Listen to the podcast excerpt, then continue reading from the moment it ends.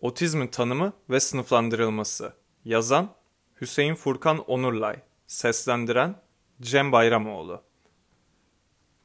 Otizm ilk kez 1943 yılında Amerikalı çocuk psikiyatristi Leo Kenner tarafından tanımlanmıştır.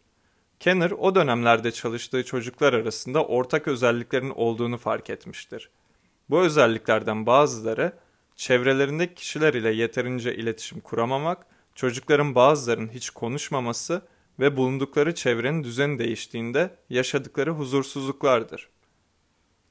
Günümüzde ise çeşitli kuruluşlar otizmin tanımlanması ve sınıflandırılmasında uluslararası platformda kabul gören ölçütler belirlemişlerdir.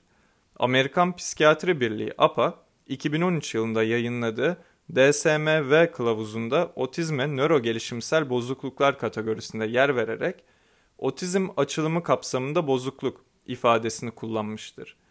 Yapılan bu değişiklik ile ICD-10 kılavuzunda yer alan 5 ayrı kategori yerine tek bir kategoride ele alınmıştır. Böylece farklı alt grupları ayırt etmek yerine şiddeti belirlenmiş tek bir tanı kategorisinin kullanılması sonucu otizm tanısının özgürlüğünün arttırılması amaçlanmaktadır. Otizme yol açan nedenler Otizmin tanımlandığı 1940'lı yıllardan itibaren otizm konusunda yeni bilgiler elde edilmesine rağmen otizmin neden kaynaklandığı tam olarak bilinmemektedir. Araştırmacılar otizmin birçok faktörün etkisiyle ortaya çıktığını düşünmektedir.